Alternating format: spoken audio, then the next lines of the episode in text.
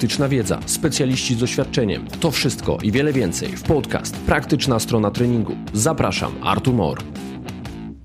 Cześć. Kolejnym gościem podcastu Praktyczna strona treningu będzie, a właściwie już ze mną jest, przed mikrofonem, Grzegorz Więcław, psycholog sportu, wykształcony w Kanadzie i Finlandii, obecnie mieszka i działa na Śląsku. Cały czas praktykuje, współpracując z zawodnikami i organizacjami różnych dyscyplin sportowych. Grzegorzu, cześć. Fantastycznie gościć w podcaście Praktyczna Strona Treningu i tak sobie od razu tutaj zanotowałem, że PST, czyli akronim Twojego podcastu w naszej branży znaczy coś zupełnie innego, a mianowicie Psychological Skills Training. Kurczę. A? Więc ten akronim ma tutaj, myślę, dzisiaj dwuznaczne y, znaczenie. Okej, okay, widzisz, no to ciekawostka, w ogóle przygotowałeś się z tego, no proszę, super. Grzegorzu, no też y, kiedy poprosiłem cię, żebyś powiedział mi kilka słów o sobie, które pomogłyby mi przedstawić cię w tym odcinku, no nie wspomniałeś o jednej z rzeczy, którą robisz, czyli prowadzisz też swój podcast, Głowa Rządzi, który mogą sobie słuchacze moi odsłuchać, jeżeli temat psychologii sportowej ich zainteresuje albo twoje spojrzenie na temat, no to mogą temat zgłębić u ciebie w podcaście. Jak najbardziej, zapraszam, jest y, podcast dostępny w większości platform podcastowych, y, Apple Podcast, Spotify, Google Podcast, a także na mojej stronie internetowej głowarządzi.pl łamane na podcast. Ja zapraszam. Grzegorzu, czym jest, albo może czym zajmuje się tak naprawdę psychologia? Sama na razie psychologia. W takim mhm. wielkim skrócie esencja. To jest y, coś, co tkwi mi w głowie, ta definicja psychologii od pierwszego roku studiów, a jak wspomniałeś, studia pierwszego stopnia robiłem w Kanadzie nam mówiono, że psychologia to jest nauka o ABC mhm. człowieka. A jako affect, B jako behavior i C jako cognition. Czyli mogę w olbrzymim skrócie i pewnie też y, uproszczeniu powiedzieć, że psychologia właśnie jest nauką o, o człowieku, o tym, co czuje, o tym, co i jak myśli i o tym, jak się zachowuje. Mhm. Fajnie, że powołujesz się na definicję, że one utkwiły ci w głowie. Ja w ramach swoich wypowiedzi, czy szkoleń, wykładów, warsztatów, bardzo często przywołuje pewne definicje. One mhm. mi służą jako taki wstęp do omówienia wielu zagadnień, bo bardzo często w tej definicji mamy całą tę esencję. To jest coś, co pozwala nam nie zbaczać z tematu, tylko obrać dobry azumut i zmierzać w jego stronę. Mhm. Lubię, jak ktoś wraca do definicji. To są czasami takie zapomniane aspekty naszego fachu. Tak, a jeszcze mogę powiedzieć od razu, że w pracy praktycznej bardzo często musimy kalibrować definicje bo jak będziemy pewnie rozmawiać o praktycznej psychologii sportu już, no to zobaczymy też, że pewność siebie czy koncentracja uwagi, takie klasyczne umiejętności mentalne, które ćwiczymy w sporcie, będą czymś innym dla lekkoatlety, a czymś innym dla piłkarza, a jeszcze czymś innym dla szachisty. Więc też jednym z zadań e, moich, e, psychologa, praktyka, jest właśnie kalibrowanie tej wiedzy ogólnej, szerokiej do specyficznych dyscyplin sportowych, z którymi przychodzi mi pracować.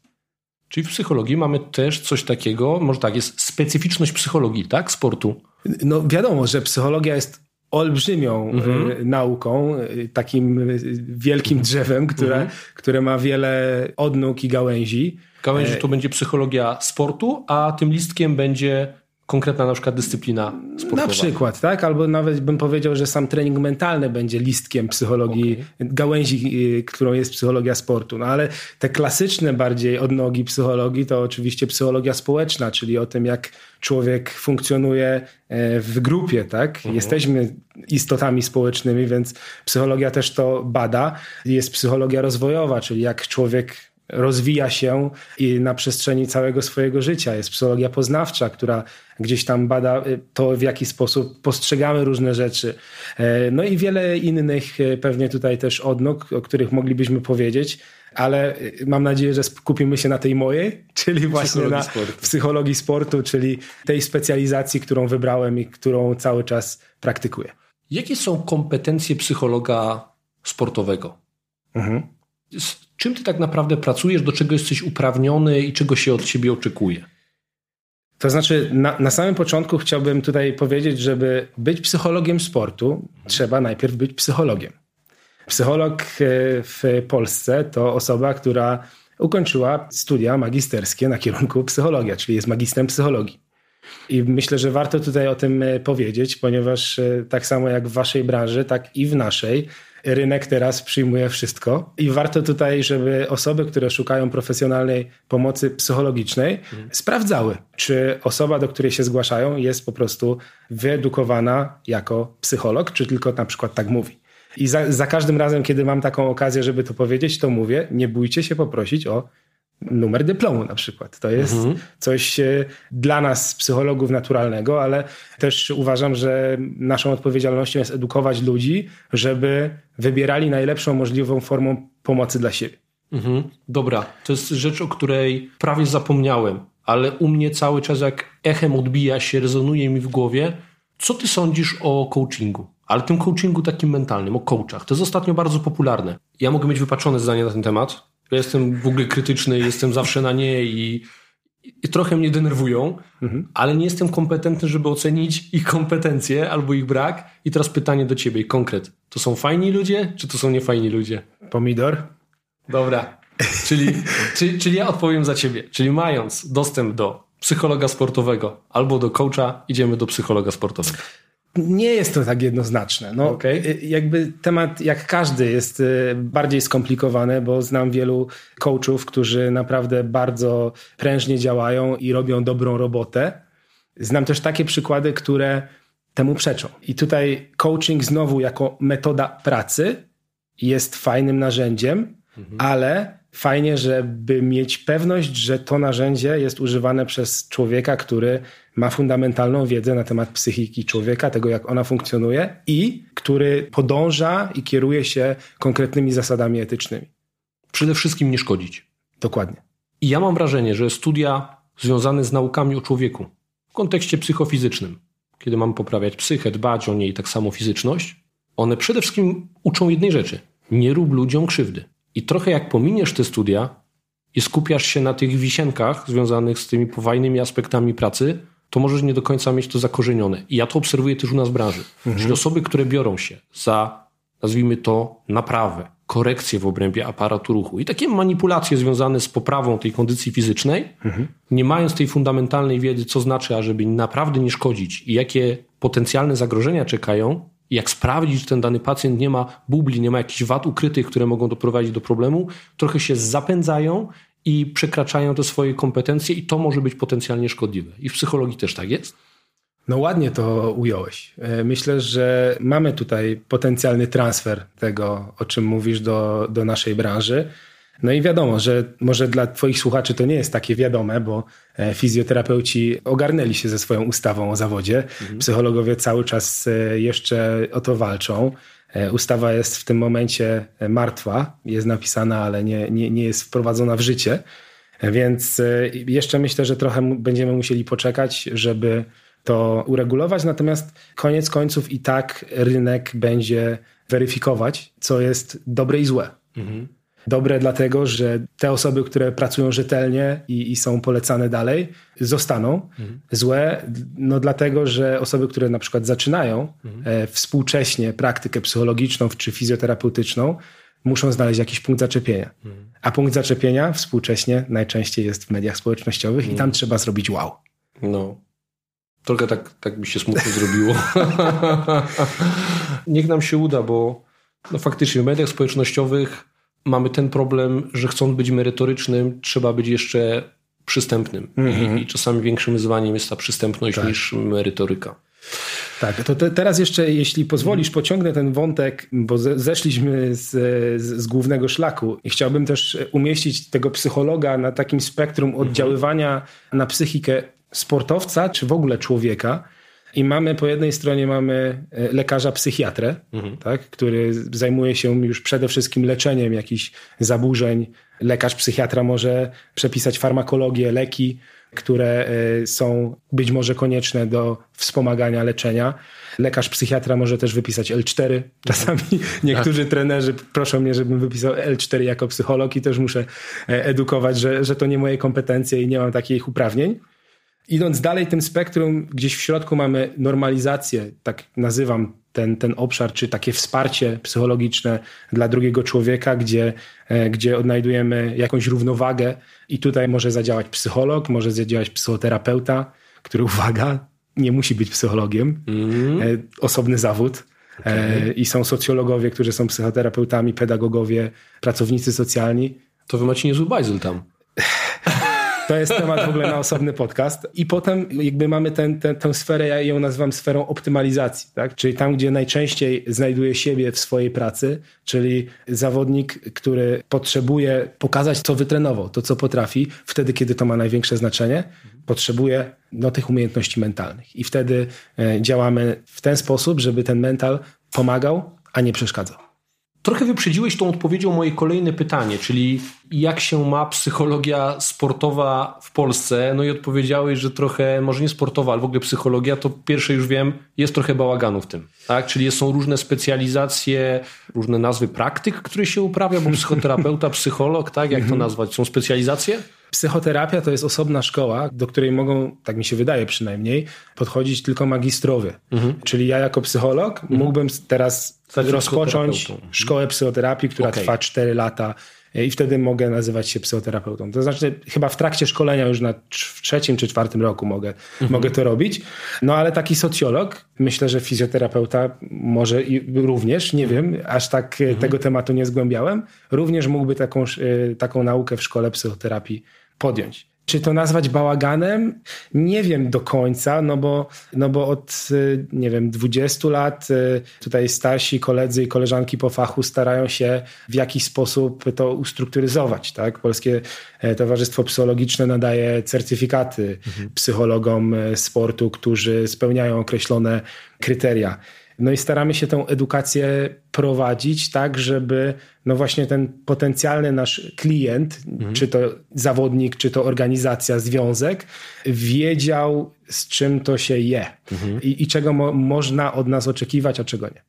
Dobra, no to teraz y, na ile jest zapotrzebowanie, istnieje zapotrzebowanie na psychologa sportowego w Polsce i na świecie i czy jest jakaś różnica? E, no to tutaj myślę, że najlepszym takim punktem e, referencyjnym będzie mój staż w klubie Bundesligi FC Augsburg, mhm. E, który odbyłem w 2019 roku, jakoś na jesieni. I tam od psychologa, mojego dobrego przyjaciela, który pracuje właśnie w Augsburgu, dowiedziałem się, że niemiecki Związek Piłki Nożnej ma wymagania względem akademii piłkarskich na poziomie klubów Bundesligi, żeby zatrudniali przynajmniej jednego psychologa na pełnym etacie. Hmm. W Augsburgu był jeden psycholog na pełnym etacie, mój kolega, plus dwóch psychologów stażystów. Mhm. Wiem z takich opowiadań anegdotycznych, że w klubie z y, kolonii mhm. tych psychologów chyba było dziesięciu. O kurde. I to już jest solidny zespół, tak? Że tam każdy trener miał w sztabie swojego, że tak powiem, psychologa, tak samo jak miał trenera na przykład y, przygotowania motorycznego czy fizjoterapeutę. Więc taki jest rozstrzał na poziomie Bundesligi. Na poziomie klubów drugiej Bundesligi akademie muszą mieć przynajmniej jednego psychologa na połowie etatu. W odniesieniu do Pols klubów polskich e, tutaj w Ekstraklasie nie ma takich wymogów. Nawet w tej certyfikacji PZPN-owskiej były rozdawane gwiazdki i na, na złotą gwiazdkę, czyli najwyższą, trzeba było mieć fizjoterapeutę. Ale o psychologach nie było mowy i mimo tego w akademiach klubów ekstraklasy chyba 13, teraz 13 albo 12 albo 13 klubów jednak tych psychologów miał. Okej, okay, to jest dobra informacja. I my się, my się też zorganizowaliśmy jako psychologowie klubów ekstraklasy chyba dwa lata temu i zaczęliśmy organizować takie zjazdy, na których wymienialiśmy się doświadczeniami, dobrymi praktykami i tak dalej. Natomiast wymiar tego zatrudnienia jest bardzo różny. Pozytywne jest to, co powiedziałeś, czyli pomimo braku wymogów, potrzeba była dostrzeżona i zrealizowana przynajmniej w jakiejś tam części ileś tam klubów tego psychologa ma. Tak, no i też mogę powiedzieć tutaj na podstawie tego, w jaki sposób szkolimy trenerów w różnych dyscyplinach sportu, bo prowadzę szkolenia związkowe dla trenerów piłki nożnej, piłki ręcznej, koszykówki, to ten moduł psychologiczny też na tych szkoleniach jest. Więc myślę, że polskie środowisko sportowe coraz częściej dostrzega, ten aspekt mentalny sportu mhm. i stara się w jakiś sposób zadość uczynić tej potrzebie. Mhm. Grzegorzu, jedno z pytań roboczych, które chciałem Ci zadać, czy psychologia e, sportu to moda, czy realna potrzeba, tym samym już mi odpowiedziałeś, czyli tak. faktycznie kluby na całym świecie, mówimy o piłce nożnej, dostrzegły taką potrzebę, w jakiś sposób uregulowały, pomimo że w Polsce nie zostało to uregulowane, potrzeba również została dostrzeżona. No czyli jest, dobra. No to teraz spróbujmy doprecyzować. Ale czekaj, no. bo ta, ta moda mnie, mnie zawsze e, interesuje i czasami jestem na rozmowie z jakimś dyrektorem sportowym. Ostatnio odbyłem taką rozmowę, który powiedział: No i fajnie, i ten psycholog z nami pojedzie na obóz, i to będzie dobrze wyglądać na Facebooku, i rodzice się będą cieszyć. I ja już jestem w takim miejscu na swojej ścieżce zawodowej, że wtedy po prostu dziękuję. Nie chcę być tak. tutaj celebrytą, który zrobi im robotę na mediach społecznościowych. Nie chcesz bo... być przypinką do, do, do krawatu, nie? Dokładnie. Okay. Dokładnie. No dobra, ale wracając już do tych realnych potrzeb, które faktycznie kluby dostrzegają, sportowcy dostrzegają, no bo, bo to zapotrzebowanie jest, to jakie w swojej pracy zawodowej widzisz realne potrzeby, które raportują właśnie wspomniani sportowcy i te sztaby szkoleniowe związane z sportowcami? E, no to jest e, bardzo szeroki temat, bo trzeba by go rozebrać na kilka e, mniejszych. To ja może trochę ci ułatwię, bo teraz ja jako taki Kowalski, który w jakiś sposób coś o tej psychologii wie, ale sportowej, ale tak nie za bardzo, to z czym mnie to się kojarzy? Pierwsza rzecz, zarządzanie stresem. Związanym z trenowaniem, współzawodnictwem, z radzeniem sobie z problemami spoza sportem. Mhm. Kolejna rzecz, kiedy sportowcy doświadczają pasma porażek, mhm. kiedy faktycznie gdzieś tutaj te skrzydła są im podcinane, kiedy tracą wiarę we własne możliwości. Coś, z czym sam się spotkałem, gdzie, gdzie miałem pewne znaki zapytania, gdzie trochę czułem się bezradny, coś co nazwałbym wypaleniem w sporcie, mhm. tak? z komponentą przetrenowania, czy nie, to, to już inna sprawa. Kontuzje, rzeczy, które często kończą karierę, mhm. czy jak sobie radzić z tym czasem, kiedy wracam do pełni zdrowia, albo po prostu z zakończeniem kariery związanej z wiekiem, czy z doznaną kontuzją. To są mhm. takie rzeczy, które ja widzę i, i na ile to są, to są realia. Tak, no gdyby, gdyby każdy Kowalski w naszym kraju w ten sposób myślał o psychologii sportu i psychologach e, sportu, to ja bym był całkiem ukontentowany. Taki główny mit jest taki dotyczący mojego zawodu. Myślę, że, że my jesteśmy motywatorami.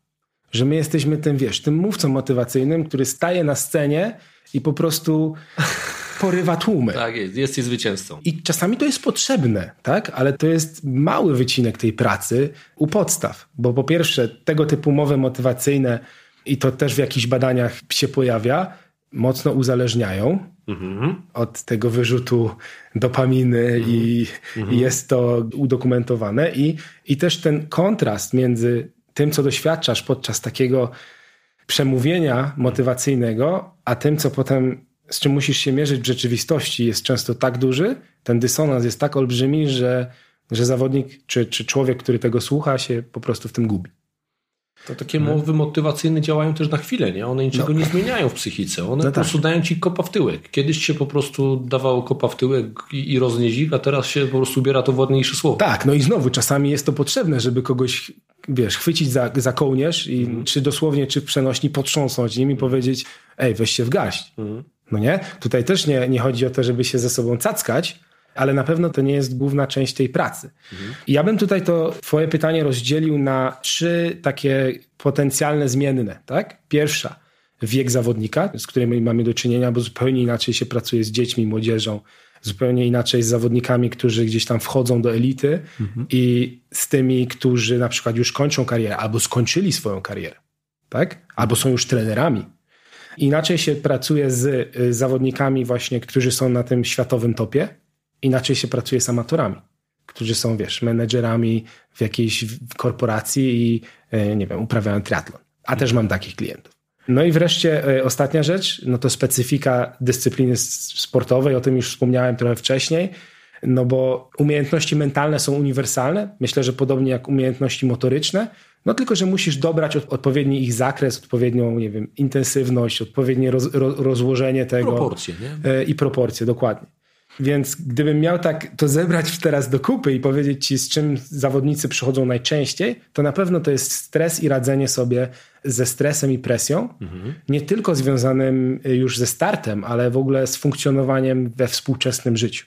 Teraz myślę, że, że pandemia koronawirusa pokazuje, jak, jak wiele tych stresorów było niewidocznych I w momencie, kiedy konfrontowaliśmy się z nimi w zaciszu swojego zlockdownowanego domu, no to nagle się one, one rosły naprawdę do olbrzymich kalibrów.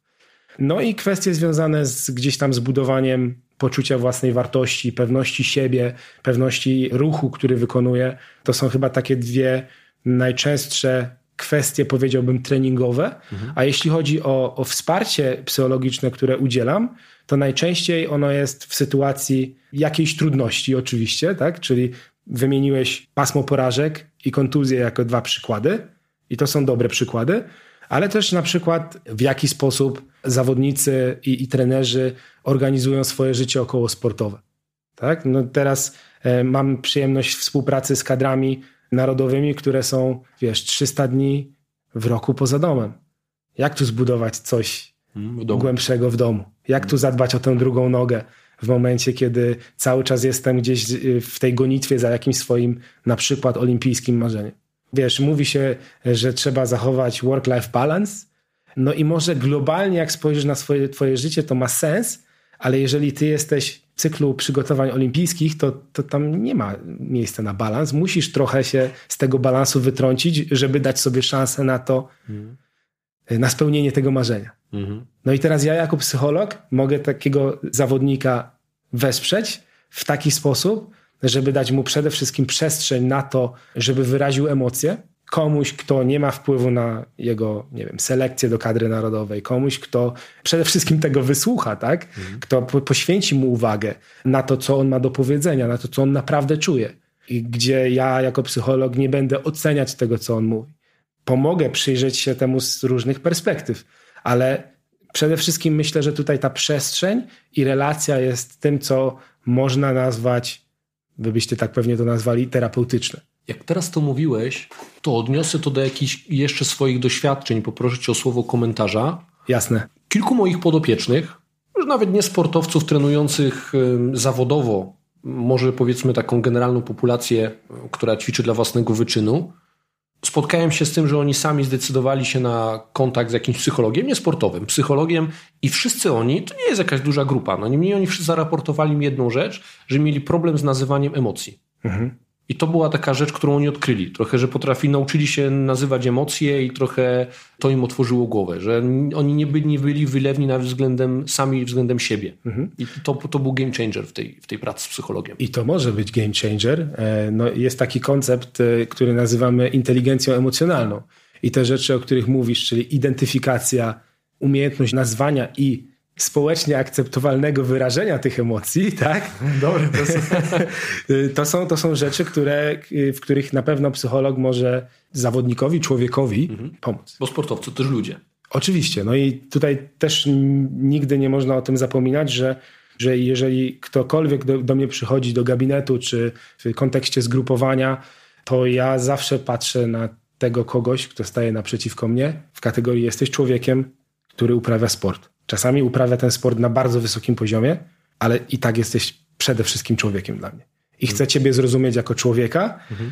I mam nadzieję, że takie nastawienie też jest tutaj istotne dla tych zawodników, bo wszyscy dookoła traktują tych na najwyższym poziomie wyczynu jako maszyny.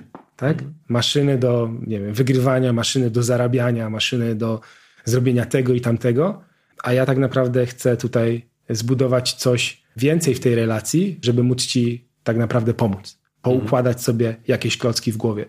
Sprawić, żeby łatwiej było dojść tobie do tego, na czym tobie naprawdę zależy. Czyli ty nie radzisz, ty pokazujesz różne możliwości?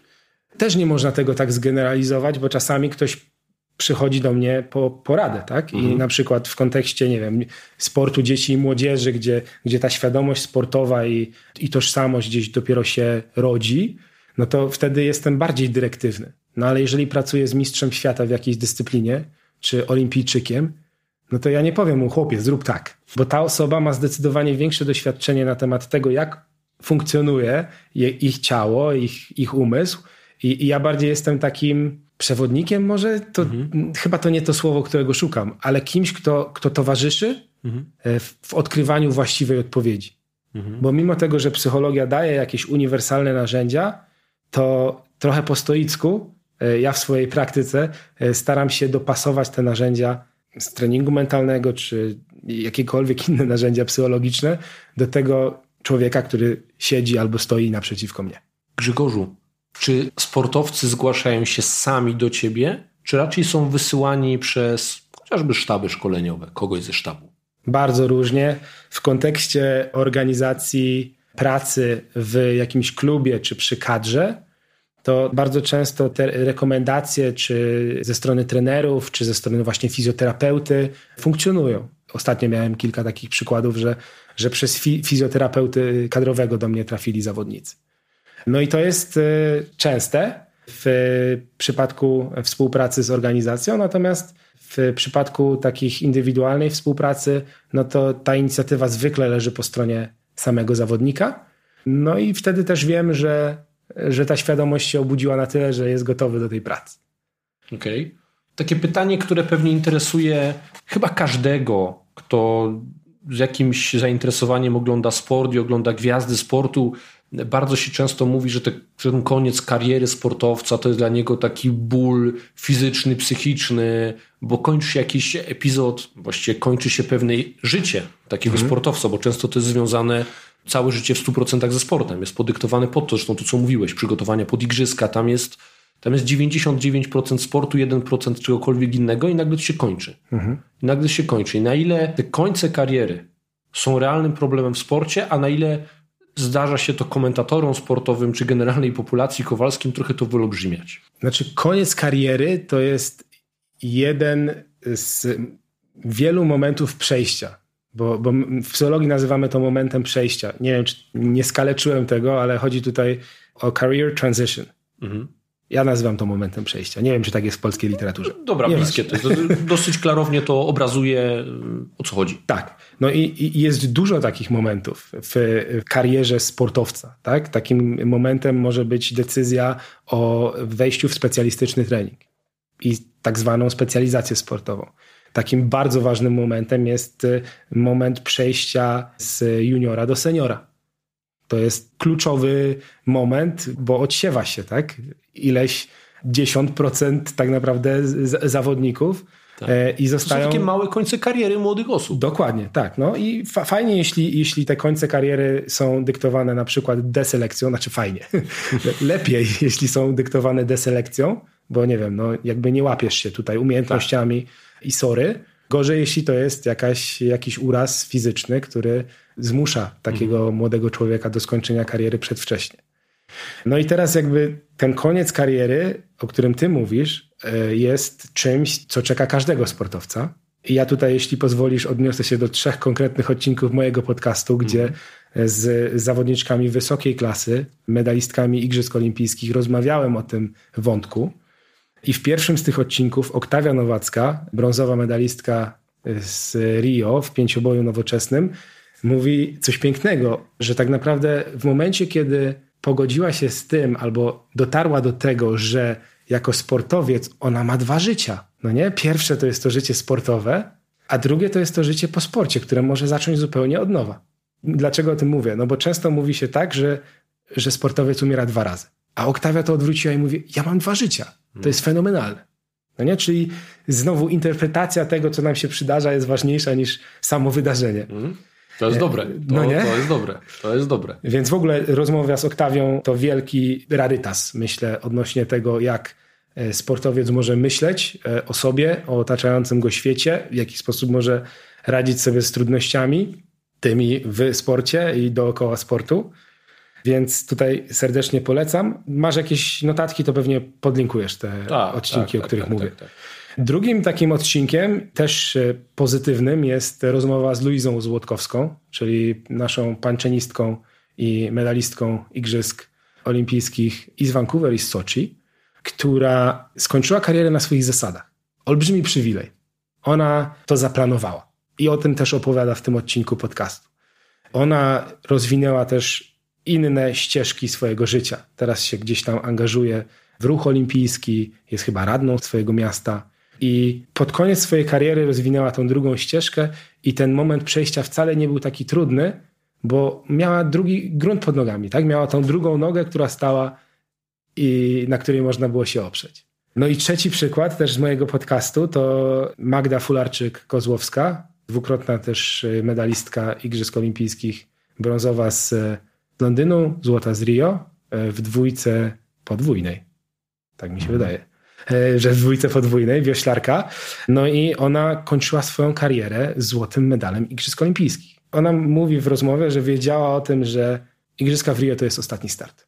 I niby wiesz, niby się na to przygotowujesz, a potem pustka, do której wpadasz. No to jest też dobra presja, nie? Bo to wiesz, że sobie tak wyobrażam, fajnie, to tak mówi się już po fakcie, czyli no zaplanowałam teraz koniec kariery, zdobyła złoto i ktoś powie, nie, no najlepsze zwieńczenie kariery. To ja teraz jak sobie myślę, co musi w psychice, kiedy wie, że to jest swoje ostatnie podejście. No tak. No może jest, i znowu, wiesz, i popatrz. I, jeden strzał. I teraz zapytasz mnie, czy to zadziała pozytywnie, czy negatywnie na, na zawodnika. Ja ci nie, nie odpowiem tego tak. jednoznacznie, bo to będzie zależeć od mnóstwa czynników i nie wiem, czy to jest badalne. Tak? Nie wiem, czy to jest do zbadania w ogóle. E, więc dlatego ta relacja w pracy psychologicznej jest tak kluczowa. Mhm. Bo w relacji, w przestrzeni na wyrażanie różnych myśli, emocji, często zawodnik dociera do tego rozwiązania, które mu spasuje. Jeśli to ma sens. Mhm. Te case'y super. Ja chętnie wrócę do tych odcinków. Nie wiem, czy wszystkie przyczyny. Nie, na pewno. Jeden z nich przesłuchałem, ale dwóch nie przesłuchałem. Na pewno je przesłucham. No i teraz, jeśli jeszcze pozwolisz, bo ten koniec kariery olimpijskiej, tak? Z, mhm. zakończony sukcesami, też e, z perspektywy psychologicznej będzie inny niż, wiesz, zawodnika, który skończył czwarty, trzy razy z rzędu na przykład, tak? Albo zawodnika, który kończy swoją karierę jakimś traumatycznym urazem fizycznym, który uniemożliwia mu kontynuowanie tej kariery, mimo tego, że jeszcze by chciał. Mhm. Więc myślę tutaj, że to ma duże znaczenie.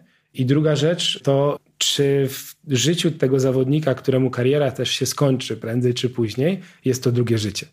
I paradoksalnie, i to też widzimy w badaniach psychologicznych, że jeżeli ktoś ma jakąś furtkę awaryjną, to wcale nie sprawia, że częściej się poddaje, wręcz przeciwnie. Jakby Wie, że coś na niego czeka. Idzie do końca. luz psychiczny. Mhm. Mhm. I to drugie życie, ja mówię, jak, jak pracuję z, z, z młodymi zawodnikami, którzy dopiero wchodzą w wiek seniorski, mówię, ej, zadbaj o tą drugą nogę. Bo ta pierwsza noga, okej, okay, teraz jest silna, teraz jesteś sportowcem, jesteś na fali, jesteś silny fizycznie, ale co będzie drugą nogą? I to wcale nie muszą być studia czy edukacja, to może być cokolwiek innego. To może plan być na siebie. Jakiś plan na siebie. To jeszcze trochę podkręca dramaturgii. W obiegowych opiniach zdarza się słyszeć, że czasami nie tylko słyszeć, ale nawet i widzieć, bo to mogę powiedzieć też o swoich obserwacjach. Sportowcy kończący karierę no, odpalają wrotki na wielu płaszczyznach, szukają emocji, pozytywnego wzmocnienia. I teraz mamy tak, albo zaczynają jeść, e, pić i prowadzić się niezdrowo, no i mamy super otyłego sportowca w ciągu dwóch lat, trochę tak jak górnik przechodzący na emeryturę. No oni wiesz, no przyzwyczajeni do pracy fizycznej, nagle tak. jedzą tyle samo, tylko że siedzą na kanapie, nie? I statystycznie wiemy nawet po badaniach populacyjnych, że no, to często prowadzi potem do chorób metabolicznych i przedwczesnej śmierci i tak dalej. No ale dobra, mamy takiego sportowca i mamy też tego, który pójdzie na przykład w alkoholizm i w jakieś używki, no bo czegoś mi brakuje, tych mhm. emocji, tego wystrzału dopaminy. Mhm. I teraz to, o czym powiedziałem, co jest jakimiś moimi skromnymi e, własnymi obserwacjami, to się dzieje, czy nie? Ojej, tutaj nie mam żadnego przeglądu badań w głowie, który by ci... Ale tak z swojej praktyki, czy, czy widzisz, że takie case'y się dzieją, czy raczej to są takie, hmm. E, takie cherry picking, że sobie to wybieramy i o tym mówimy?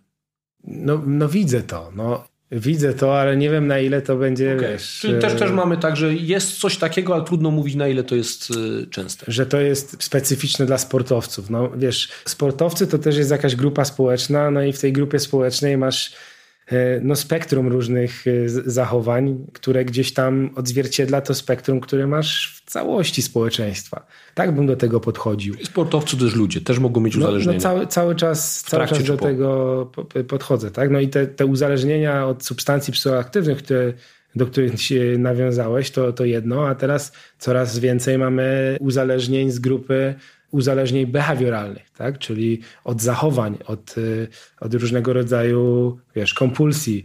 Myślę tutaj o e, hazardzie, myślę hmm. tutaj o grach komputerowych, hmm. o mhm. fonoholizmie, który też już jest zrefundowany w, te, w terapii NFZ. No nie? I, i, i trochę, te, trochę tych rzeczy jest i żeby znowu zachować w tym skomplikowanym świecie jakiś umiar i jakby nie odcinać się od tych technologii, to wydaje mi się, że taka właśnie społeczność poza sportowa jest tutaj ważna. Czy to będzie twoja rodzina, czy to będą, wiesz, koledzy z liceum, czy to będzie jakaś inna, nie wiem, bajka, w którą też jesteś zaangażowany, będąc jeszcze wyczynowym sportowcem, no bo to no, wzmacnia tą drugą nogę, po prostu. Te społeczności inne niż twoja sportowa. Nawiązałem do uzależnień u sportowców, to teraz odwróćmy to pytanie, czyli uzależnienie od sportu u generalnej populacji albo amatora ćwiczącego dla własnego wyczynu, mhm. powiem ze swoich doświadczeń jako fizjoterapeuty, trenera przygotowania motorycznego, zdarzyło mi się coś takiego zobaczyć. Zdarzyło mhm. mi się zobaczyć to, że pomimo wielkiego stresu w życiu, ludzie odreagowali na siłę tym sportem, zajeżdżając się. Widziałem takie case'y. Nie było nie wiadomo ile przypadków, więc nie mówię, że mamy tu jakąś plagę, realny problem, ale widziałem, że ludzie łapali kontuzję, dalej w to brnęli, chcieli, robili wszystko źle i organizm to podpowiadał. Oni czuli się tylko gorzej, wyników nie było, a oni cały czas w to brnęli, bo boli, bali się z jakiegoś powodu, że jak przestaną, coś się skończy, nie mają prawa przestać. No tak, albo wiesz, ten case triatlonisty, który ciśnie do Ironmana i po drodze rozwodzi się z żoną i, i traci prawa do e, opieki nad dzieckiem. I wygrał nie? Ironman Gdynia. No, tak, a nie, nie, nie, no ja, ja wiesz, ja się okay, śmieję, myślałem, bo... że konkretny człowiek. Nie, nie, nie tak... ja mówię konkretny przykład, że wiesz, Ironman Gdynia, nie, i wiesz, sukces no tak. największy na świecie, straciłem wszystko poza tym, ale zdobyłem ten medal tego Ironmana. Tak. No to jest to jest y, taką przypowiastkę, którą opowiadam. W ogóle z takimi sukcesami sportowymi i złapaniem przy tym sukcesie jakiejś poważnej kontuzji czy utraceniu rodziny, jak sobie przywołaliśmy, to jest trochę tak jakby y, zrobić tosta, ale spalić kuchnię przy okazji. to... Pytanie, to jest sukces czy nie? Ładna metafora. Nie? Podoba mi się. Ja to często przywołuję, kiedy ludzie właśnie y, zajeżdżają swoje ciało, żeby osiągnąć jakiś czasami no obiektywnie trochę pseudo-sukces sportowy. Mhm. No i z tym też coraz częściej tutaj z kolegami z Polady e, miałem ostatnio taką długą rozmowę, że ten doping w sporcie amatorskim też jest nagminny. No to, to I, jest jak mycie zębów. I to jest... To, jest, wiesz, to w ogóle do 200 mg testosteronu tygodniowo jak bierzesz, to to, jest, to, to nie jest doping. Ale strasznie mnie to zdziwiło mimo wszystko, no bo przecież no. taki sportowiec amator, no nie wiem o co walczy, o większą ilość lajków w mediach społecznościowych, czy ciężko mi tutaj się tak jakby jednoznacznie też e, i, i rzetelnie odnieść do, do tego syndromu uzależnienia od aktywności fizycznej. Wiem, że on istnieje i przywija się w literaturze, ale nie mogę powiedzieć nic, nic więcej niż wydaje mi się. Mhm. Bo tak naprawdę ten problem dopiero on zaczyna narastać, nie? Tak. Uprawianie no. sportu zrobiło się też seksy, zrobiło się poż i czasami ono nie jest tylko dla zdrowia, tylko właśnie od razu dla wyników, bo spotykam się z wieloma mhm. osobami generalnej populacji, która mówi, ja ćwiczę dla zdrowia, ale to nie ma znamion treningu dla zdrowia. Mhm. To, jest, to, to jest dawno dawno spełnia znamiona sportu dla wyczynu i niejednokrotnie te treningi są cięższe, i to już podkreślałem w wielu podcastach, aniżeli u sportowców zawodowych, bo ich ktoś hamuje, im ktoś mówi tego nie rób, tak. to rób, a nie mają hamulców. Myślą, że więcej znaczy lepiej plus myślą, ma, że robią tak wszyscy. Plus nie ma miejsca na rest i recovery. Nie ma. To jest to, o czym właśnie takie osoby, które są zatrudnione na etacie, myślę, zapominają. No nie? Gdzie zaniedbują to, o co sportowcy zawodowi, wyczynowi mega dbają, bo wiedzą, że, że, że wtedy tak naprawdę trening yy, ma sens. Tak jest. No i to myślę, dlaczego do tego nawiązałem, bo jako osoby pracujące ze sportowcami, mhm.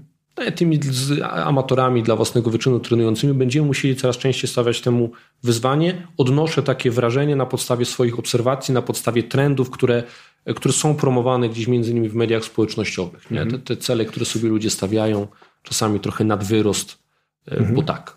No tak, ale popatrz, jakby przez długi czas mieliśmy problem z tym, że ludzie się nie ruszali. Albo Dychotomia nie ruszali. poznawcza. Dokładnie, ale teraz pytałeś mnie na, na samym początku naszej rozmowy o definicję psychologii i podałem ci taką definicję, która utkwiła mi w głowie jeszcze z czasów studiów, a teraz ci podam swoją. Dobra.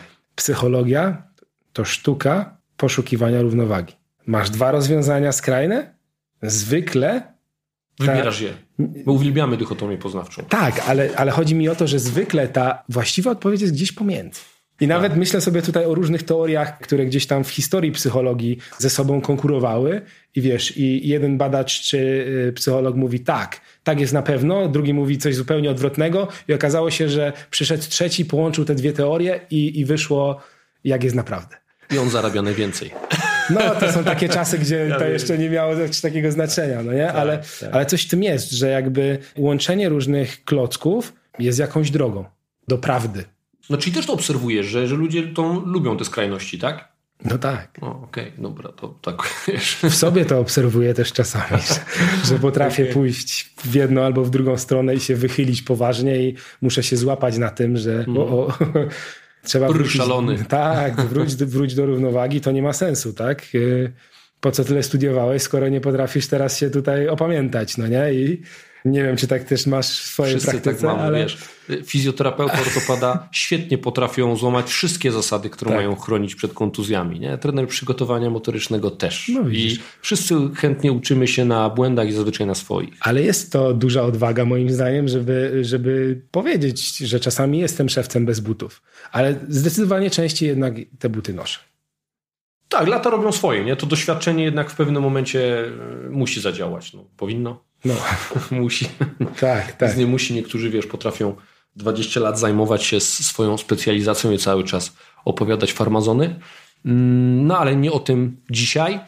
Grzegorzu, mistrzem się rodzisz, a nie stajesz. To jest zdanie, które przytoczyłem w kilku podcastach. Kierowałem je do specjalistów związanych z przygotowaniem motorycznym czy innymi trenerami jakimiś konkretnych dyscyplin sportowych. Odpowiedzi były różne, tak? Czyli niektórzy uważają, że to nie jest kwestia talentu, tylko pewne rzeczy można wypracować. Ja oczywiście się z tym e, nie zgadzam, no bo pewne chociażby typ budowy, pewne uwarunkowania endokrynno-metaboliczne. Mamy pewną pulę genów, która sprawia, że mamy przewagę w danej dyscyplinie i nadajemy się, żeby uprawiać ją na na wyczynowym poziomie, który zapewnia nam szansę konkurowania z najlepszymi. No, no powód jest prosty. Ciężarowcy mają pewien specyficzny typ budowy. Jak chcesz grać w koszykówkę czy w siatkówkę, no, no nie możesz być osobą niską, jest to niezaprzeczalne. Tak? Jasne, na najwyższym poziomie, jak i na każdym liczy się potem też ta praca świadoma, nie tylko ciężka.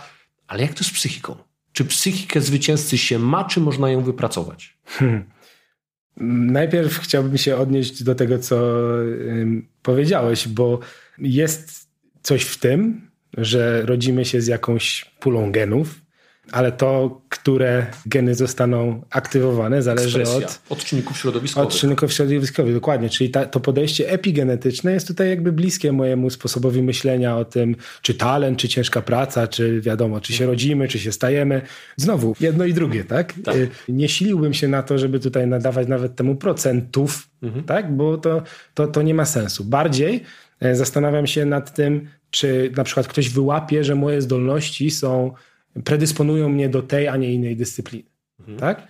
No bo też mamy przykłady anegdotyczne, gdzie mamy zawodników bardzo niskich, którzy odnajdują się w grach dla wysokich ludzi. W siatkówce jest przynajmniej jedna pozycja, która upoważnia takiego Libero. niskiego człowieka tak. do tego, żeby grać. W koszykówce jedynka również, tak? Rozgrywający. Tutaj Baxi przecież jest świetnym przykładem z historii NBA, który miał 1,50 m chyba 9, 1,60 m nie miał. Więc... No ale masz, wiesz, no już, ale... już cię ogranicza, tak? Już ilość tych osób, które drużyna potrzebuje takich i, i jest mniejsza. Tak, nie? tak. No i też potem jakby w drugą stronę też ostatnio natknąłem się na jakieś takie badania, że że 50% Amerykanów powyżej 2,5 metra mhm. to koszykarze NBA, czy 2,10, jakoś tak. Mhm. Ale no, połowa z nich, nie? Tak. E, więc, więc jasne, że te, że te predyspozycje genetyczne są w, w ciele to jest y, jasne, y, ale też staram się, y, rozmawiając z zawodnikami, pokazywać, żeby nie traktować tego jako wymówki. No nie, bo czasami jest tak, że zawodnik mówi, ale ja jestem za niski, ale ja, ja to na przykład z Kenijczykami nigdy nie wygram w biegu na 5000 metrów. No nie, to jest niemożliwe. Albo w biegu sprinterskim z Jamajczykami, no nie? I taki, wiesz, wrodzony pragmatyzm tak. mówi, no bo nie wygrasz. No bo nie wygrasz, no. Ale popatrz, ale dajmy na to teraz taka konkurencja, którą się fascynuje, konkurencja lekkoatletyczna, skok w dal. Mhm. Obecną mistrzynią olimpijską jest Jana Bartoleta, mhm. którą mega podziwiam w ogóle. Jeśli będziesz mieć kiedyś e, okazję posłuchać tego, co mówi, albo e, jakiegoś podcastu z nią, no to naprawdę też taki case mocny, jeśli chodzi o przygotowanie mentalne, radzenie sobie z różnego rodzaju kłodami, które życie e, rzuca pod nogi. I Tatiana Bartoletta też nie grzeszy wzrostem, mhm. gdzie w skoku w dal jednak no, on ma znaczenie. E, no i jest obecną mistrzynią olimpijską. Więc tutaj chciałbym w konsultacji z zawodnikiem, żeby nie traktować tych predyspozycji, tak jak nazwałeś, fizycznych, jako wymówkę do tego, żeby przestać ciężko pracować. Tylko żeby pracować jak najciężej z tym, co mam, po to, żeby sprawdzić, gdzie jest ta moja granica, bo większość ludzi do tej granicy po prostu nie dochodzi. No nie? Tutaj jakby takie moje spojrzenie na to, czy mistrzem się rodzisz, czy się stajesz. nim stajesz. I teraz odnośnie komponentów psychologicznych, bo o tym było twoje pytanie. Tutaj jest podobnie. Jest jakaś pula genów, które wyrażą się poprzez interakcję ze, ze środowiskiem albo nie. No i oczywiście są takie rzeczy jak temperament, tak, albo, albo osobowość e, i różnego rodzaju inne cechy, które będą raczej stałe, ale jeśli chodzi o mentalność mistrza, tak jak to nazwałeś, to uważam, że to jest jakby trenowalne. Znowu, dla każdego to będzie znaczyć coś zupełnie innego. No to było moje kolejne pytanie, tak? chciałem zadać. Nie? Na ile inaczej będziesz pracował z takim, no dobra, weźmy sobie jakimś introwertykiem i ekstrawertykiem. No tak, su super przykład jakby dwóch wielkich mistrzów z ostatnich Igrzysk Olimpijskich. Michael Phelps versus Usain Bolt. Usain Bolt tak. cały czas... Jakby, Dokładnie, wodzirej dobre słowo, cały czas jakby w kontakcie z kamerą, w kontakcie z ludźmi, jakby żartujący z wolontariuszami na tej, na tej bieżni. To mu wchodziło. Michael Phelps, słuchawki, kaptur, takie duże jak ty masz teraz, słuchawki i po prostu w ogóle odizolowany od wszystkiego. No nie? I tutaj byśmy powiedzieli, że to są też różne strategie jakby radzenia sobie z tym stresem i presją przedstartową. Tak? Strategia taka, która izoluje i taka, która otwiera. otwiera obydwaj wielcy mistrzowie, ale na pierwszy rzut oka zupełnie inny ten psychologiczny make-up. Mhm. Pytanie, które jest pokłosiem tego. Czyli na ile osobowość zwycięzcy będzie jednocześnie osobowością autodestrukcyjną i czy możemy w ogóle w tych kategoriach do tego nawiązywać? Czyli to takie sfokusowanie w takiej mhm. czy w innej formie na celu. Tak. Czy takie introwertyczne, ekstrawertyczne, ale sfokusowanie na celu. To jest mój cel, to jest moje życie, ja to chcę osiągnąć. Potrafi zrobić tyle samo złego, co dobrego. Do tego zaraz nawiążę, bo to jest tak naprawdę pytanie o perfekcjonizm. Mhm. E, I w psychologii perfekcjonizm ma, jest medalem, który ma dwie strony. I zaraz o tych dwóch stronach powiem. Natomiast kwestia samej osobowości, czy jest coś takiego jak osobowość mistrza, no to przez długi czas y, ta badawcza gałąź psychologii i psychologii sportu starała się znaleźć jakiś komponent tutaj temperamentalny czy osobowościowy, który by pomógł w selekcji albo deselekcji zawodników już na jakby jak najwcześniejszym etapie, no tak? bo chcesz zainwestować to chcesz wiedzieć, że ta, ta inwestycja ma, ma sens, tak? Mhm. E, jako klub, czy jako, jako sponsor, czy kraj nawet, tak? No i według mojej najlepszej wiedzy te badania spełzły na panewce, bo nie, nie, nie byliśmy w stanie znaleźć, jako psychologia oczywiście teraz mówię, bo ja tych badań nie prowadziłem, ale nie byliśmy w stanie znaleźć jakiegoś psychologicznego... cut of value. Takiego no, punktu odcięcia, tak, że ty się nadajesz, tak, czy nie, bo w ankiecie masz tyle Nie ma psychologicznego portretu mistrza. Mhm. Bo jak się przyjrzysz mistrzom, to na pierwszy rzut oka oni są po prostu różni. Tak. I to jest jakby pierwsza część mojej odpowiedzi. Druga rzecz, to mówisz, e, zacząłeś trochę opisywać perfekcjonizm jako taką cechę, którą mamy w sporcie. Tykająca bomba? No i właśnie. I perfekcjonizm ma, ma dwie strony. Pierwsza jest związana z tym, że ja jestem ambitnym gościem, który stawia sobie wysoko poprzeczkę i za... mhm. pracuje bardzo ciężko, mhm. żeby e, do tej poprzeczki doskoczyć i ją pokonać. I to jest mimo wszystko ta adaptatywna strona perfekcjonizmu. To jest ok. Druga strona to to, co się dzieje w momencie, kiedy ja do tej poprzeczki nie doskakuję. Z jakiegokolwiek powodu nie wiem, brakuje mi tych genów, tak? Mm -hmm. nie, nie, mam tych zdolności wrodzonych, które potrzebowałbym, a ci Kenijczycy czy Jamajczycy mają, tak? Na przykład, no nie? No Albo... to trochę jest tak, jak jesteś Kenijczykiem i biegasz te długie dystanse, e, to, to nawet jak masz ten charakter i tą pulę genów związaną z mentalem masz nie taką, to fizycznie możesz dobiec. Tam jesteś, no, masz przewagę, no, nie? No okej, okay, ale, ale z drugiej strony, nie wiem, powstrzymuje mnie coś innego. -hmm. Uraz fizyczny powstrzymuje mnie, nie wiem, jakaś niesprawiedliwa w mojej ocenie decyzja sędziów albo mojego związku, albo trenera, tak? Mhm. Mam minimum, ale mnie nie wybierają do kadry. Co wtedy? I tutaj mamy ten potencjalnie nieadaptatywny perfekcjonizm, który po prostu sprawia, że człowiek, tak jak powiedziałeś, staje się tykającą bombą i niszczy się od środka. Tak mocno się mentalnie nad sobą znęca, że to wtedy rzeczywiście może już mieć znamiona jakiegoś zaburzenia. Ja myślę, że to może być realny problem. Nie? No. To, są, to, to jest tak, ja o tym wspomniałem, ale myśląc o sportowca, który gdzieś spotkałem, to ja, ja bym się doszukiwał sporo tego. Mhm. Dlatego też takie moje pytanie się nasunęło. Tak. No Psycholog sportowy z tym pomoże skutecznie? To zależy, co jeszcze w takim wywiadzie diagnostycznym by wyszło, tak? No mhm. bo sam perfekcjonizm jako taki, zgodnie z moją wiedzą, nie jest jakby e, w klasyfikacji choroba, zaburzeń, no nie? Może być jakby elementem innego, szerszego problemu. Mhm. No i generalnie w momencie, kiedy psycholog, e, nawet psycholog sportowy podejrzewa jakieś zaburzenie kliniczne, no to ma do, do tego narzędzia, żeby skonsultować to czy z superwizorem, czy z innym specjalistą, klinicystą, czy z lekarzem psychiatrą, czy wręcz odesłać tego zawodnika po prostu do innego specjalisty, tak jak pewnie w fizjoterapii czasami wysyłacie kogoś na konsultację ortopedyczną na przykład, no nie?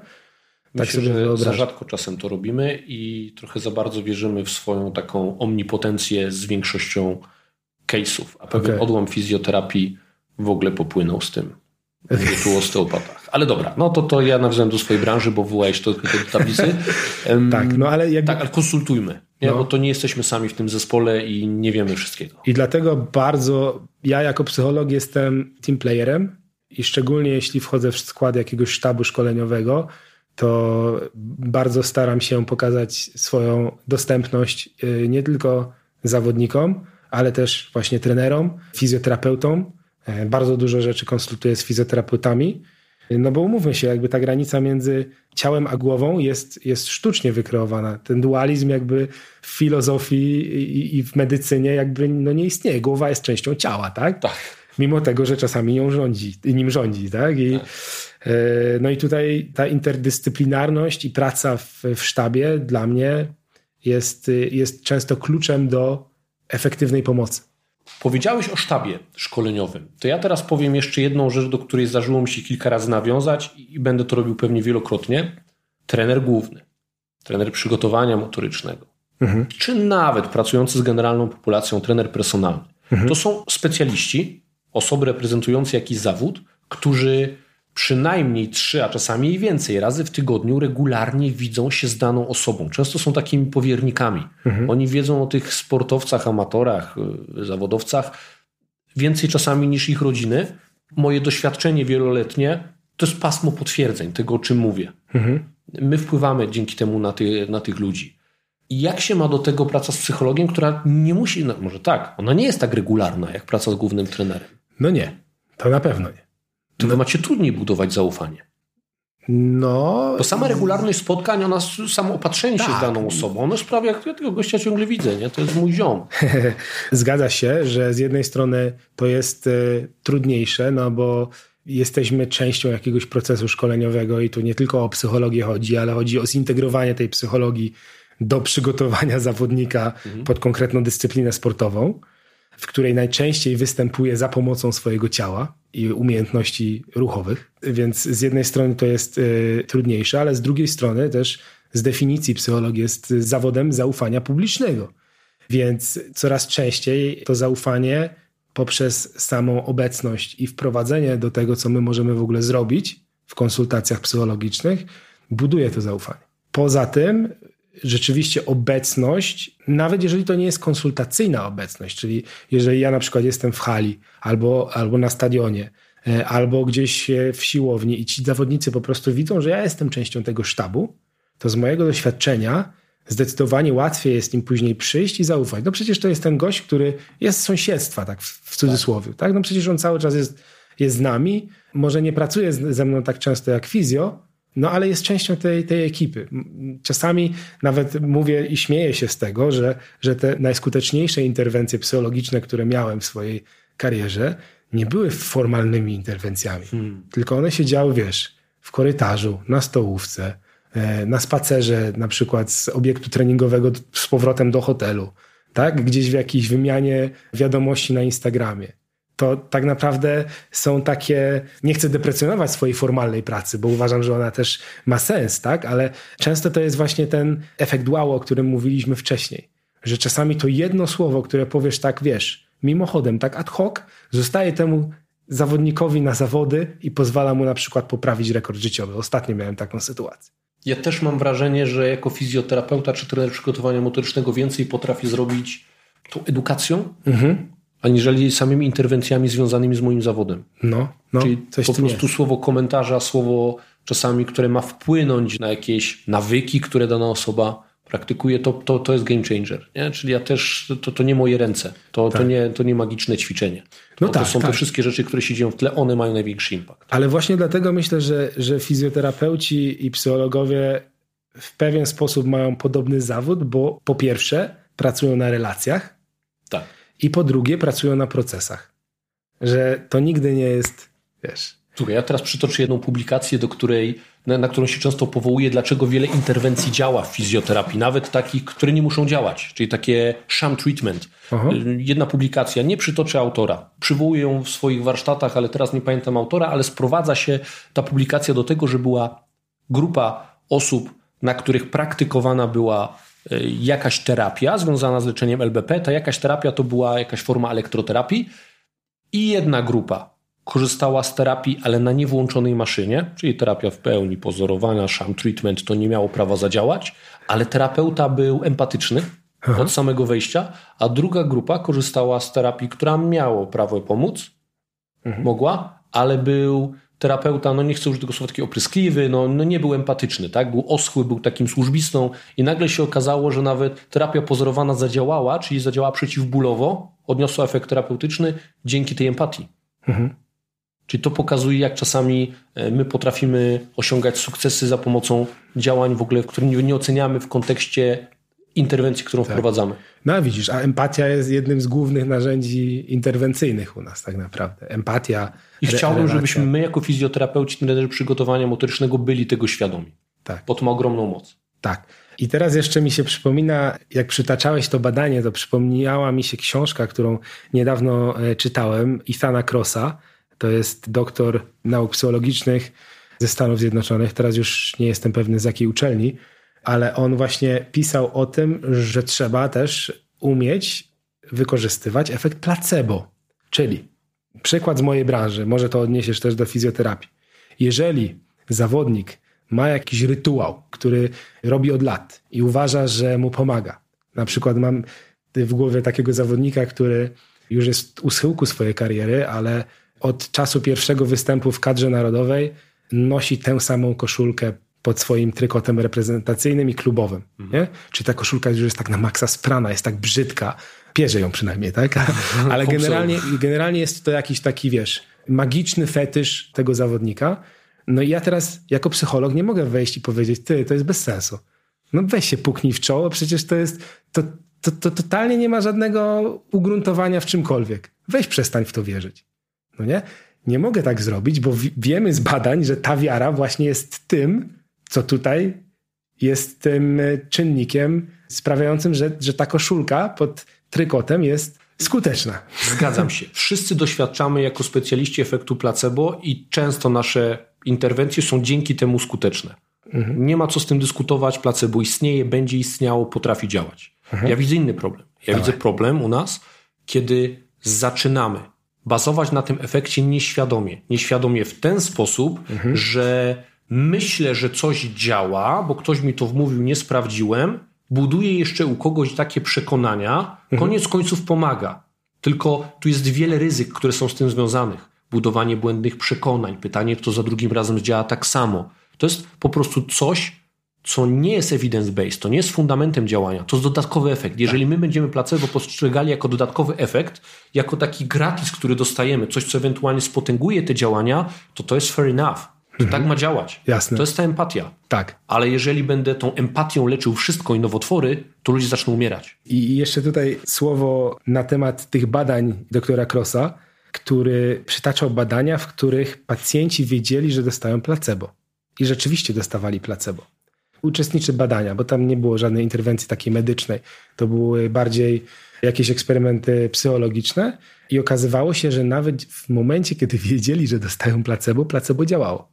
Ale to jest jakby nowa gałąź badań, przynajmniej u nas w psychologii, ale myślę, że ciekawe, bo wtedy etyka stosowania tego jakby wkracza na zupełnie inny pułap, w moim przekonaniu. Tak, natomiast odnosząc znowu się do naszej specjalizacji, samo poczucie bycia zaopiekowanym mhm. lepszą bądź gorszą terapią, której często nie potrafimy zweryfikować, mhm. nawet zwykły dotyk potrafi działać cuda i to wiemy też u nas z badań, bo sam fakt bycia zaopiekowanym, dodatkowo te empatie, dodatkowo takie rzeczy. Ktoś może wiedzieć, że no tu nie będzie nie wiadomo jak spektakularnych rzeczy. Mhm. Tylko to nie jest nasz zawód. To nie do tego zmierzamy. Nie zgodzę się z tym, że możemy w jakimkolwiek stopniu na tym bazować, bo to nie zawsze zadziała i komuś możemy zrobić krzywdę przez to, że wierzymy, że to zadziała. Aha. To nie, nie o to chodzi. Ale tego nie powiedziałem, żeby nie było. To ja, ja to tak podkreśliłem, bo mm, nie lubię robić miejsca dla dodatkowych efektów związanych z jakąś terapią, bo to wiele osób podłapuje i potem zaczyna zasłaniać się tym. Czy jest placebo, placebo działa. Mhm. No i będę sobie z tego korzystał, no bo skoro działa, jest udowodnione, że istnieje, no to to jest jeden element z mojej terapii. To jest dodatek do tego, co robimy. I tak to póki co powinniśmy postrzegać. No i tu się zgadzamy. Grzegorzu, spektakularne sukcesy, spektakularne porażki w Twoim zawodzie. No, jeżeli chcesz o tym mówić, jeżeli no, coś, co wiesz, co to takie dychotomia, mm -hmm, lecimy po skrajnościach. Fuch. Było kilka takich rzeczy, z których e, jestem dumny i kilka takich, z których na pewno dumny nie jestem i które zrobiłbym inaczej. I co ciekawe, to te spektakularne sukcesy i porażki w zawodzie psychologa nie zawsze wiążą się z obiektywnymi sukcesami i porażkami. To też mhm. chciałbym podkreślić, bo często łapię się na tym, że robię świetną robotę, która się nie przekłada na wynik sportowy, ale przekłada się na satysfakcję, informację zwrotną ze strony zawodnika lub organizacji i odwrotnie.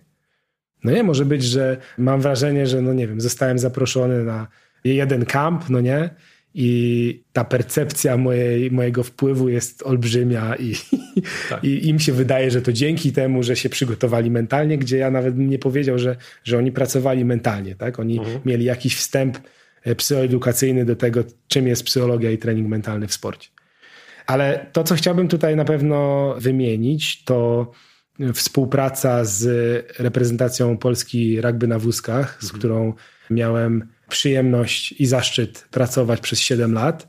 W trakcie tej przygody zrobiliśmy spektakularny sukces, bo po raz drugi w historii awansowaliśmy do finałów Mistrzostw Świata w tej dyscyplinie. Więc to na pewno jest jeden z takich momentów, który zapamiętam do, do końca życia. I wiem, że wtedy ten komponent psychologiczny został nie tylko wprowadzony, ale też doceniony zarówno przez zawodników, jak i sztab szkoleniowy. Takim e, dużym e, sukcesem są też wszystkie wiadomości od zawodników, których prowadzę indywidualnie, którzy gdzieś startują i, i dzielą się tym, że, no nie wiem, informacje z tego tygodnia, ktoś został MVP w meczu, albo ktoś pobił swój rekord życiowy, albo dostał powołanie na, e, do kadry, albo zrobił jakieś minimum na ważne zawody, albo zdobył kwalifikacje na Igrzyska Olimpijskie. I dla mnie takimi sukcesami mocno niewymiernymi są te informacje zwrotne od zawodników, od trenerów, te słowa wdzięczności i docenienie pracy, którą wspólnie wykonaliśmy. To jest coś, czego nie ma w mediach społecznościowych w większości, w zdecydowanej większości, coś, co zachowuje tylko i wyłącznie dla siebie, własnej satysfakcji. Ale jeśli pytasz o te sukcesy, to myślę, że zdecydowanie to. O porażkach się trudniej mówi, czy błędach y, w sztuce. Myślę, że nie, nie popełniłem żadnych błędów takich, za które nie wiem, mógłbym stanąć przed jakimś sądem tutaj koleżeńskim. E, natomiast było kilka sytuacji, które z perspektywy czasu i pod superwizją wydaje mi się, że rozwiązałbym inaczej. Choćby to, w jaki sposób e, układam jakiś setting konsultacyjny, e, gdzie na początku mojej kariery było to dosyć mocno roztrzepane. Teraz jest to bardziej ugruntowane i wiem dokładnie, co należy zrobić. Ale o takich porażkach jako takich, no to, to, to teraz nie wiem, y, czy mogę mówić. Wiem, bo to jakby mówiąc o porażkach mówisz trochę nie tylko o sobie, tak? No właśnie. I to, no. Jest, I to jest y, realny problem takiego odpowiedzi na to pytanie. Ja czasami nawiązuję dlatego, bo w naszej branży jest już trochę taka tendencja, że nie tylko mówimy o swoich sukcesach, tylko mówimy czasami, co nam się nie udało, czyli o jakiejś błędnej diagnozie, o jakiejś diagnozie czy diagnozie różnicowej, o rzeczach, które mogły być zrobione lepiej, bo one pozwalają uczyć się najskuteczniej na, mhm. na tych błędach. No, na tych błędach tylko pozwalają też się uczyć nie tylko nam, mhm. ale też innym. Wiem, że to jest ciężkie, bo to, to trzeba by w dobrym kontekście umiejscowić i za zgodą też czasami tej osoby, która też w tym współuczestniczyła. No trochę tak, no ale jakby tutaj myślę, że, że te największe błędy, które teraz mi przychodzą do głowy, to bardziej takie niedociągnięcia, nie okay. wiem, formalne, które, które popełniałem jako młody psycholog, których nie dopilnowywałem, ale wiesz, my w psychologii pracujemy docelowo przynajmniej, mam nadzieję, że większość psychologów tak robi, pod superwizją.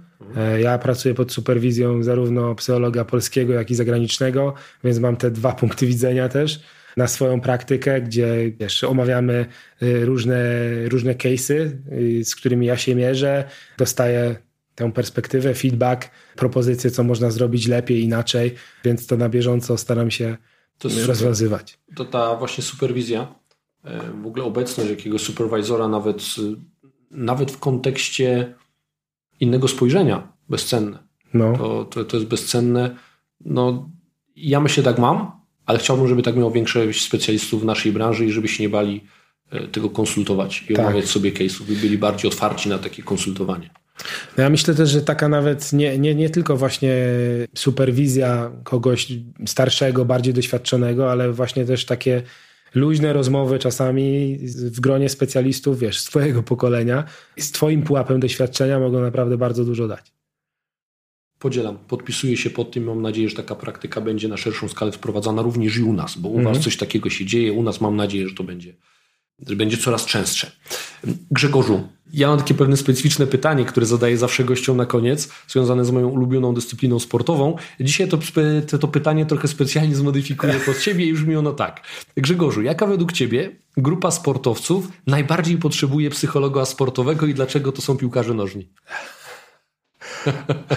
Bo oni tą realną potrzebę dostrzegli. To teraz jeszcze rozwinę to pytanie. Na, na poziomie akademii na pewno. E, myślę, że piłkarze seniorzy w różnym stopniu, czy bardziej trenerzy tych drużyn seniorskich, no wydaje mi się, że jeśli, jeśli miałbym rzeczywiście brnąć w to, w to bagno, które tutaj przed, przede mną Ale to roz, dobrze nazwałeś, rozpościeliłeś, e, rozpostarłeś, no to powiedziałbym, że, no, że piłkarze nożni po prostu mierzą się z największą presją e, mhm. społeczną e, mhm. związaną z wykonaniem swojego zawodu i potrzebna jest osoba, która pomoże w radzeniu sobie z tą presją, ale też będzie towarzyszyć w różnych doświadczeniach, które się zdarzają w, na etapie tej kariery, bez takiego, no tak jak powiedziałem wcześniej, przesadnego oceniania czy radzenia. Mhm. Dobra, wy, wybroniłeś ich trochę e, ich potrzeby. Ja oczywiście to pytanie zawsze zadaję z przymrużeniem oka. Co więcej, no pomimo, że, że wytykam piłce nożnej wiele, e, wiele zaniedbań w kontekście organizacji miejscowo właściwych dla danego kraju i pojedynczych drużyn, sztabów szkoleniowych, to staram się też dawać im jakieś rozwiązania, jak sobie z pewnymi rzeczami radzić i myślę, robię to dosyć e, skutecznie i w mediach społecznościowych i poza zwłaszcza poza. No ale dzisiaj wybroniłeś, to, to ja już zostawiam ich w spokoju. Nie, no. piłkarze, piłkarze to w większości fantastyczni ludzie i, i mam do czynienia zarówno z tymi na początku swojej kariery y, sportowej, jak i z tymi, którzy no już y, debiutowali w reprezentacjach kraju, zarówno z kobietami, jak i z mężczyznami. E, więc e, ten stereotyp piłkarza, który być może e, jest źródłem tego pytania, powoli odchodzi do lamusa i, i patrząc na, na tych młodych ludzi, którzy no, wchodzą w, ten, w tę dorosłą piłkę, to myślę, że niedługo te, ten stereotyp się zmieni. się zmieni i to dosyć mocno. Mam taką nadzieję i tego im życzę. Niech ten sport będzie jeszcze bardziej profesjonalny. Grzegorzu, to co dzisiaj powiedziałeś wpłynęło na moje postrzeganie psychologii sportowej w stopniu, myślę, znacznym. Jest wiele pewnie pytań, które stopniowo ci będę i sukcesywnie gdzieś tam zadawał. poza, poza już anteną, no bo, bo jest kilka wątków, które można by jeszcze drążyć, drążyć. No cóż, no, mam nadzieję, że rola psychologa sportowego będzie doceniana coraz bardziej. Widzę, że to się dzieje. Mhm. Ja mam nadzieję, że ten podcast będzie taką małą cegiełką i zachęci trochę ludzi do współpracy w zespołach z psychologami sportowymi. Super. Ja również dziękuję za zaproszenie do podcastu PST. Grzegorzu, miło Cię było gościć. Do usłyszenia. Cześć. Cześć.